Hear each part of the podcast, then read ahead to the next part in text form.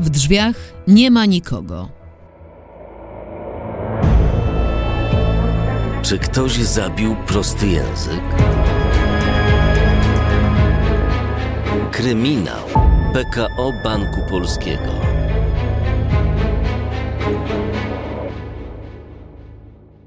Szyfr.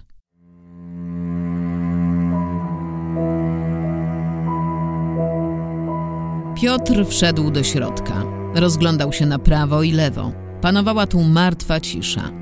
Uświadomił sobie, że pierwszy raz był w domu prostego sam. Stąpał ostrożnie i nie zapalał światła. Znajdował się teraz w miejscu potencjalnego przestępstwa, nawet jeśli śledczy nie podjął sprawy. Ślady krwi były wymyte. Podłoga również. Na lodówce wisiała karteczka, żółty postit. Wydawało mu się, że jest na niej pismo prostego. Najważniejsze, że karteczka zawierała listę zadań z ubiegłego tygodnia. Auto do mechanika, wtorek o godzinie 17. Dentysta 18. Napisane małym druczkiem, jakby zdradzając trwogę przed stomatologiem. Pani Wiesia w piątek 7 lipca, czyli ten ostatni, jak odnotował Piotr. Oraz zostaw pieniądze na stole, skreślone ręką prostego. Proste słowa kreślone czytelnym, prostym charakterem pisma Jacka i pani Wiesia, ta sama pani, która pomagała w porządkach w banku. A więc tak, pomyślał Piotr. Pani sprzątająca przyszła tu w piątek 7 lipca. Spojrzał na sufit, gdzie niegdyś były czerwone kropki, obecnie tylko biel. Zaschnięte czerwone kropki w kolorze purpury. Krople musiały trysnąć z niezłej odległości. I ta pani Wiesia... Znowu usłyszał dźwięk, bezwiednie chwycił za nóż. Gdyby teraz się chlasnął, spojrzał w kierunku okna i drgnął, bo zdawało mu się, że błysnął tam pojedynczy reflektor. Przybliżył się i zobaczył to. Reflektor, niczym dalekosiężna latarka, błądził obecnie po szybie. Piotr skulił się w kącie jak bohater powieści sensacyjnych, które czytywał do poduszki, aby zasnąć. Cały czas trzymał w garści nóż. Przecież nie mógł się zdradzić, że tu jest. Nawet nie zapalił światła. Z drugiej strony jego samochód stał zaparkowany bezpośrednio przy budynku. Sygnalizował: Patrzcie, jestem tu. On zaś był w obcym domu z nie swoim kluczem. Wyjrzał ponownie, odciągając róg firany. Albo prześladowca zniknął, albo faktycznie nikogo już tutaj nie było. Wzrok Piotra już przyzwyczaił się do ciemności. Odłożył nóż na miejsce. Spojrzał jeszcze raz na hasła na lodówce. Że też nie zauważył ich za pierwszym razem, kiedy tu był. Zerknął w kalendarz w telefonie, gdzie upewnił się co do daty. Pani Wiesia przyszła tu w piątek 7 lipca. To nie ona wyczyściła ślady krwi po tym, jak przyszli tu za gatą w poniedziałek. Poniedziałek i wtorek pani Wiesia pracowała również w banku.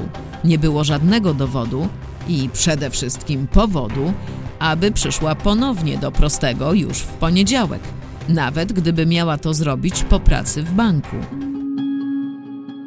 Piotr wyszedł z domu prostego. Alejka wydawała się czysta, mimo to serce miał gdzieś w przełyku. Wzrok już mu się przyzwyczaił do ciemności w tej samotnej posiadłości na obrzeżach miasta. Klucze do drzwi zostawił z powrotem pod ozdobnym kamieniem – Pomyślał, że to jest bardzo sprytne posunięcie.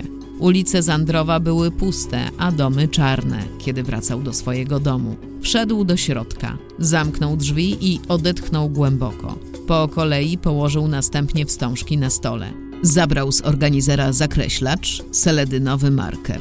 Te zdania z kopert. Do nich wszystko się sprowadzało. Nic nie zostało dedykowane temu tematowi. Nie ulegnie zmianie w dniu jutrzejszym. Rozumiem, że w chwili obecnej operacja nie może być zrealizowana. Dziwnie pasowały do scenek i treningów przeprowadzanych przez pracowników. Pomyślał o samych treningach. Pracownicy radzili sobie coraz lepiej. Scenki uświadamiały mu, w czym tkwili. Wyrazy jak modyfikacja, powziąć i jego największa zmora, wyrażenia jak w miesiącu czerwcu będą stopniowo znikać. Tak samo jak powtarzanie tych samych słów i nadużywanie zwrotów. Przepraszamy, dziękujemy i gratulujemy w miejsce treściwych informacji. Piotruś, ty zawsze komplikujesz, mawiała słynna pani Jola. Rozwiązanie zagadki rysowało się tak jasno. Było zawarte w kopertach i do nich się sprowadzało. Piotr pomyślał nagle o swoim własnym ulubionym powiedzeniu, a następnie o słowie dedykowany ze wstążki. To samo wyśmiewali pracownicy na imprezie urodzinowej, w połączeniu zresztą z anglicyzmami i korpomową. A na koniec wspomniał zasadę trzech komunikatów, o której opowiadała mu jego kuzynka Gosia, pracująca w przedszkolu. Piotrek, ja zawsze proszę rodziców maksymalnie o trzy informacje o dziecku, a ludzie mi od razu dziesięć. Mózg się wyłącza, wiesz? I jeszcze ludzie piszą takimi okrągłymi zdaniami. Jakimi? Kwiecistymi i wielokrotnie złożonymi. Zaczynają od uprzejmie informuje. Niech piszą wprost o co chodzi, to przecież dziecko. Wystarczy dziecko nie może tego a tego, lubi to a to. Śmiała się. Dalej piszą, w związku z alergią mojego dziecka wystarczy napisać w mailu, czego nie może jeść, prawda? Nie pierwsze i nie ostatnie dziecko ma alergię. I jeszcze piszą, proszę pamiętać. Z tymi proszę pamiętać czuję się naprawdę głupio, jakby ktoś mnie sprawdzał. Piotr niemal podskoczył, kiedy nagle otworzyły się drzwi wejściowe. Raźnym krokiem weszła do środka jego żona Eliza w stroju sportowym. Zorientował się w lekkim przestrachu, że nie skończył przygotowywać kolacji. Ba, nawet się za to nie zabrał. Eliza była wyraźnie zdezorientowana. Z roztargnieniem położyła torbę sportową na podłogę. Powinnam się niepokoić, kochanie? zapytała. Co masz na myśli? Rozejrzała się. Hmm, nawet nie wiem od czego zacząć, powiedziała, marszcząc czoło. Okna zasłonięte jak w karawanie, kartki na podłodze. Nie, nie tylko na podłodze, dosłownie wszędzie. Nie mówię nawet już o nożu do rozcinania papieru. Skąd ty go wydobyłeś? To jakiś nietrafiony prezent? Dlaczego w ogóle? Jej twarz wyrażała udrękę i troskę. Piotr nie wiedział, co powiedzieć. Sam był zdziwiony, do czego doprowadził i tym całym pobojowiskiem. Ale to tylko szczegóły, zauważyła Eliza. Faceci to się strasznie zapuszczają, kiedy wyjeżdżamy. Wiem to nie od dziś. Dobrze, że nie strzelałeś tutaj z łuku, który ci dałam na gwiazdkę i że jeszcze się golisz. Za to natychmiast mi powiedz, co to jest. Ale co, kochanie? zapytał Piotr, lekko skołowany. Mam na myśli przesyłkę, zamachała dłonią. Anonimowa przesyłka, no wiesz co? Ktoś ją wetknął między sztachety i teraz się zastanawiam, czy może to ja powinnam ją otworzyć. Piotr spojrzał na jej dłoń. Trzymała w niej kopertę. Była z białego, kredowego papieru.